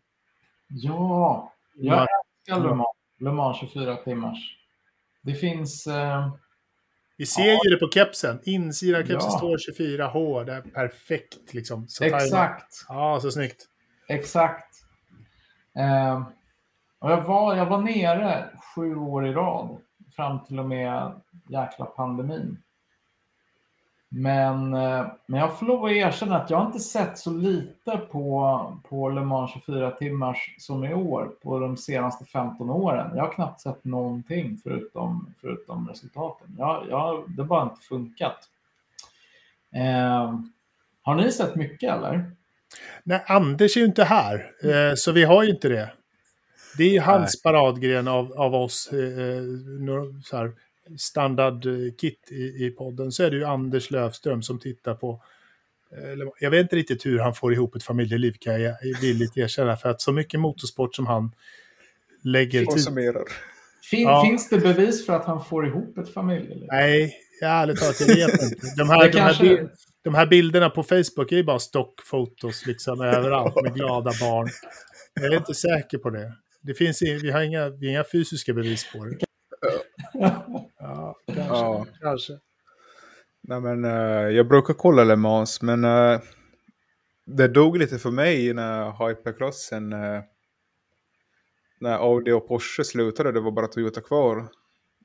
Det var då lite intresset föll för mig. Och förhoppningsvis så nästa år ska det fixas, för att nu blev det igen en dubbelseger för Toyota. Mm. Som man kunde det var ju ingen hög oddsare direkt.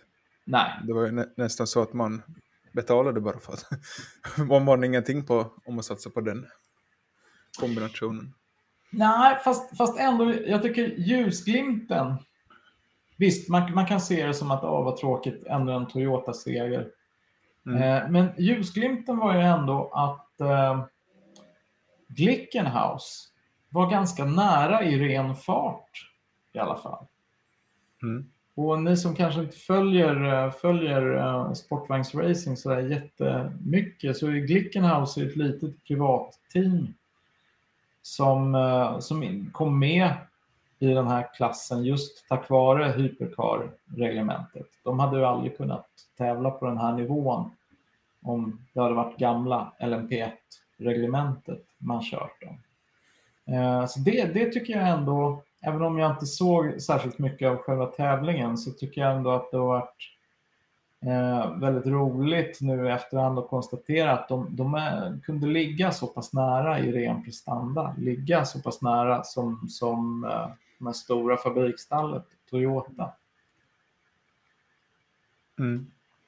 Det var ju lite det här som var meningen med hypercar-reglementet, att man skulle kunna få in den här typen av satsningar. Mm. Men sen så har man ju kanske inte fått tillräckligt många som har ställt upp på det som man kanske hoppades. Nej. Königsegg, kom igen. Vad väntar ni på?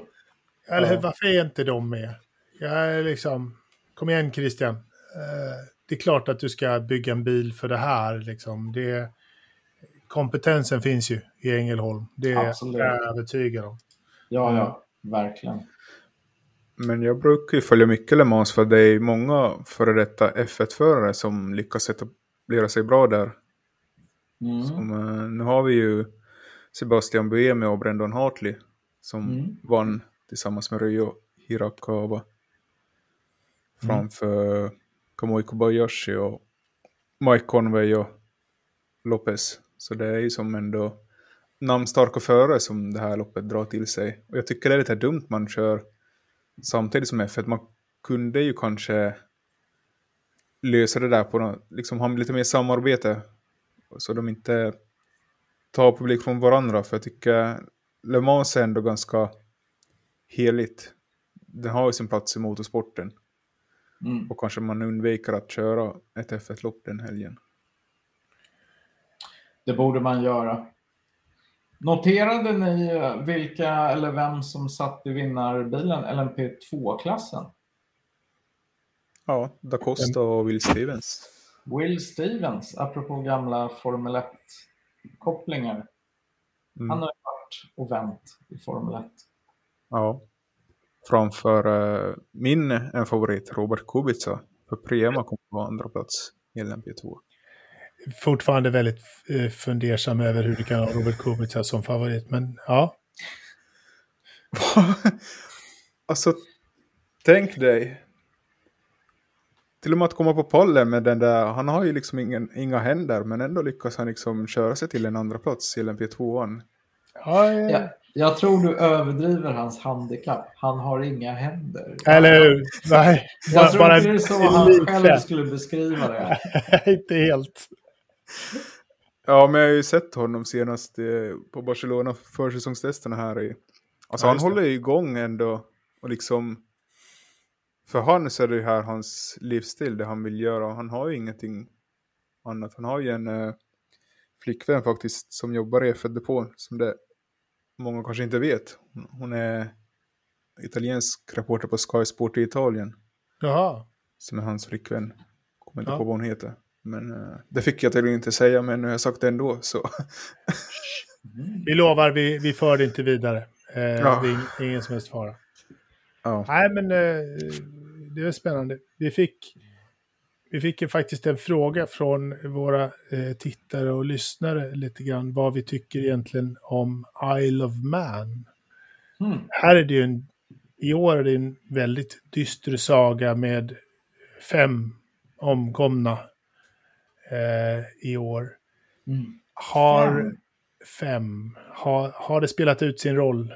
Ska vi ta och, och parkera det här loppet för gott och säga att nu är det nog? För jag är livrädd varje gång jag ser det här liksom och att det inte dör fler är för mig en gåta om och om igen. Vad säger ni? Vad, vad har ni för känsla om Isle of Man? Är det ett lopp där karakarar ska visa sig på styva linan och visa vem som är störst gorilla i, i eh, farmen? Eller ska vi bara ta och lägga ner det?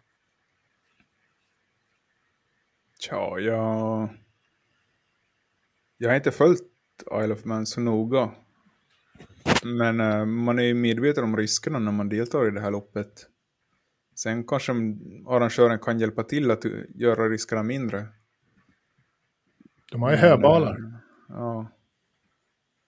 Ja, jag vet inte. Jag, Nej, nej, men jag, jag tycker det är rätt tveksamt. Alltså. för att min del, fortsätta på det här sättet när, när det är liksom så många dödsoffer. Ja, Jag vet inte. Visst, jag, jag förstår vad Kristoffer säger. Men man vet ju vad det är för risker man tar. Såklart. Ingen tvingar en till att, till att köra MC som en idiot på ställen som egentligen inte är gjorda för att köra MC på. Men Jag vet inte. Det, jag tycker att det är lite tveksamt att fortsätta. Ja, nej. Mm. Jag håller med. Ja. Ska vi... Men det kanske ibland så krävs det liksom den här typen av, av uh, händelser för att man ska få till verklig förändring. Ja, och, och, jag, jag, vet inte hur verklig förändring inom roadracing-sporten ska kunna se ut. För att det, det, finns ju inbyggda risker i att ägna sig åt det de ägnar sig åt som, som jag tror inte man kan få bort helt och hållet. Men jag har ingenting emot roadracing. Ja, det, det är det här loppet som jag tycker mm. är, är onödigt. För riskerna är onödigt höga mm. i, i det här loppet. Och, det, och jag har svårt att se att det, att det går att bygga bort dem på, på ett bra sätt och behålla eh, essensen av loppet. Det är bättre att, i min värld tror jag, liksom så här, låt det vara och så kan vi ha det som ett historiskt lopp som har varit. Eh, mm. Istället för att ta, ta livet av folk. Den kör ju något ohemult fort mm. här liksom. Det mm. går ju så vansinnigt fort på, på, på vägar som inte är byggda för de här hastigheterna överhuvudtaget. Verkligen inga som helst utrymme, inget som helst utrymme för, för misstag. Så. Nej, precis. Så det spelar ingen roll hur extremt duktig du än är. Råkar du bara hamna några centimeter fel när du landar i den här hastigheten mm. så är det thank you and goodbye. Liksom. Mm. Men, men det är ju samma sak i MotoGP och dess underklasser. Att, uh, där var det ju senast förra året var det en dödsolycka också. Så det, det är ju det här när man kör på en MC, det är ju väldigt mer oskyddad. Ja. Så det, det är svårt. alltid sådär, du har, du har ju, du har ju liksom uh, zoner. Uh, liksom ja, avåkningszoner och sånt. Ja, men, men, men, ändå så är det folk som flyger av mitt på banan och någon råkar köra på honom. Så det Naturligtvis. Liksom samma ja. sak där. Du, är aldrig, du kommer aldrig vara skyddad på en MC på samma sätt. Nej, nej, nej. Oavsett och det, det går inte. Nej, dit kommer vi aldrig kunna komma. Uh, Absolut. Så, ja. Jag vet inte. Eh, tack så hemskt mycket för in, inspelet John eh, Eveli som, som, som skrev lite fråga där. Men ja, ah, jag vet inte. Ja. Mina damer och herrar. Jag tycker vi har varit positiva. Jag tycker inte det här har varit ett dåligt avsnitt alls. Det är bara Jakob som är lite sur. Det är kanske Jakob det är fel på. Ja, det är klart det. Herregud, det är ju Jakob. Ja. Ska vi ta en eh, veckans förstappen?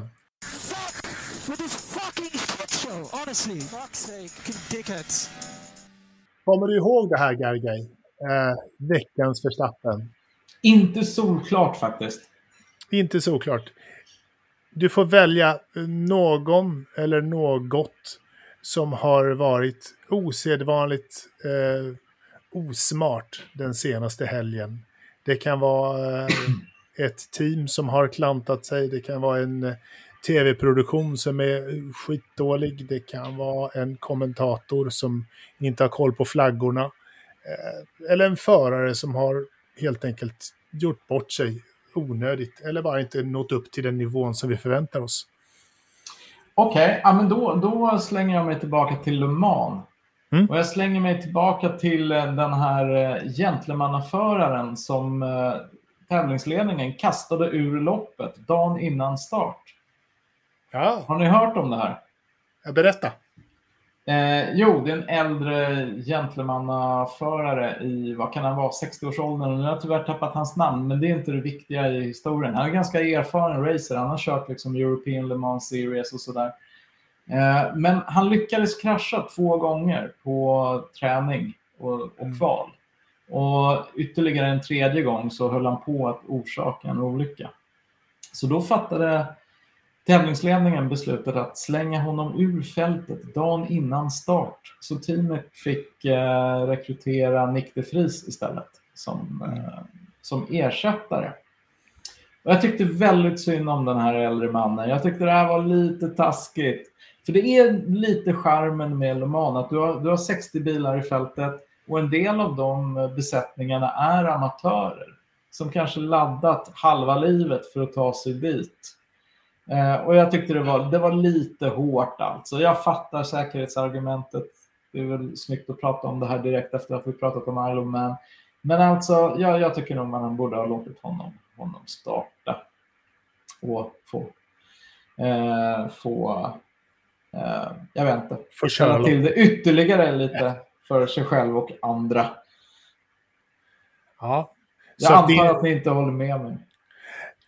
jo, alltså det, det, man har aldrig fel när man har en veckans Verstappen. Så din veckans Verstappen Mm. är liksom direktoratet på Le Mans som kastar ut den här eh, herren med andra ord. Vad har du eh, tänkt fram åt oss, Kristoffer?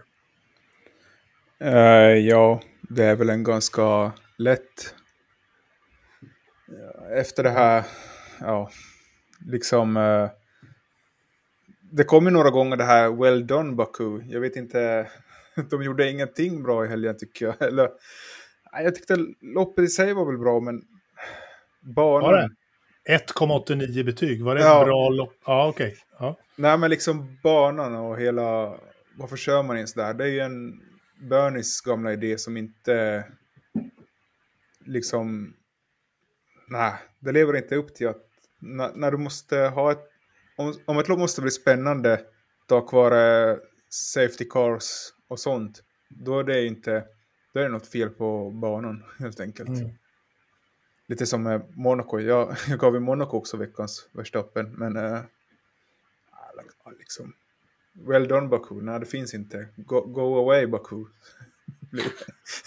Tycker jag. ja, lite så. Ja, tyvärr. Två dåliga lopp i rad. Jag vet inte när vi... Kanada är ju en helt okej bana så hoppas det blir... eh, Ja, men det är väl dags att, att, att ha lite skoj igen, eh, kan man väl säga. Och det Ja, brukar rätt- vara kul i Kanada. Ja, det brukar Ja. vara kul, kan det. det Och det ska, det ska på rätt grunder också. Inte att det blir någon... eh, Liksom någon safety car som Nej. ställer till det så blir det. Utan liksom ren och skär racing. Jag har inte sett den sen... Jag vet inte när. En månad sen. Ja, det känns som att det är länge sedan. Min veckans Verstappen blir faktiskt eh, McLaren eh, och deras eh, teamorder, hold positions. Alltså, typ hela loppet bara liksom. Sluta fightas, kör nu bara hold positions och, och, eh, Mm. och det var så sjukt tråkigt. Alltså redan, alltså jättetidigt i loppet. Jag förstår om det är i slutet och det är den ena föraren som ska vinna VM och den andra bla bla bla. Men vad är det nu? Pla- runt plats 10, 8, 9, 10, 11. För att liksom hålla positionerna för att dra ifrån Ocon eller vem det nu var bakom dem där ett tag. Ah, kom igen. Roligare måste vi få ha det på banan än, än att liksom eh, behöva göra så. Jag Mm. tycker det är dötrist.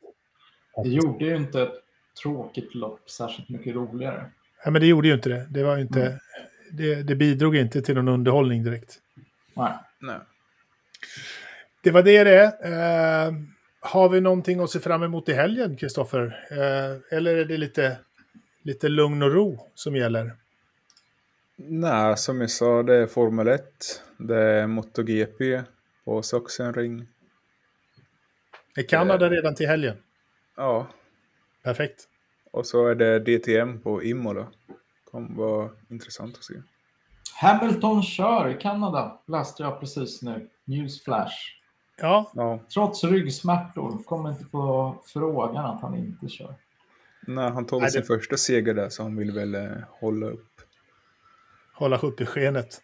Ja, Ja, vad bra. Då har eh, vi lite Formel 1 att se fram emot. Anders kan få titta på DTM, för jag tycker det är nog fan det tråkigaste sen torkad färg. eh, men eh, vadå? Eh, Vad ska vi säga? Eh, vi har någonting att se fram emot i alla fall. Ska vi ta och avsluta med en, en titt på väderkartan?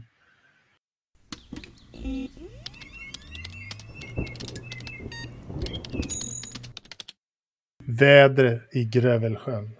Denna eh, metropol som jag faktiskt eh, då och då råkar ut för folk som säger det där känner jag igen. Jag bara, du har lyssnat på våran podd. ja. De bara, Grövelsjön. "Fan, Mm. Vi ska ju ordna en exkursion dit inom kort. Och se på kåtorna och snödjupet och fjällbuan. Ja, Eller hur? det... Ingen snö har vi. Nej. Fågelbordet är tomt. Kanske det är för varmt för dem. Temperatur ute är bara 12,1 grader. Det är lätt regn och uh, ja, hästkraften är 1108,2. Vad har vi för temperatur i dator? Vad gissar ni på? Ja, 12, vad var det ute? 12,1 och regn. Ja, lätt regn. Lätt regn 12,1. Det är lite fuktigt. Det är inte jättevarmt. Men jag tror att det är 14,8 eh, skulle jag säga. Vad tror du, Gargay? Mm. jag tror lite varmare är nog. 16,2. 16,2, ja. Mm. Vad är det, Kristoffer? Det är faktiskt varmare än förra veckan. Det, det börjar pipa iväg. Det är 22,8 grader i dator. 22,8? Ja. Jag vann alltså, jag var närmast. Ja, eller hur? Ja, man kan säga så. ja, sjukt varmt. Det har aldrig varit så varmt. Nej. Eller, inte på sen jag börjat. Nej, verkligen. Mina damer och herrar, eh, vi har ödslat en och en halv timme av eh, andra människors liv. Jag önskar er gå in på vår YouTube-kanal, klicka på prenumerera. Eh, ni kan gå in på Podstore och köpa lite merchandise. Eller bara ha allmänt trevligt på vår Facebook-sida. Eh, med dessa ljuva ord tackar vi Gergej Farkas för ett stort bidrag eh, för dagen. Tack själva! Kristoffer är alltid lika eh, påläst och kunnig som vanligt. Och jag själv har hållit låda mest eh, sådär blajande som eh, jag kan. Vi tackar för detta och önskar god lyssning. Hej då! Hej då! Anmäla till Forsaloppet också. ja, glöm inte det! Yes. Hej då!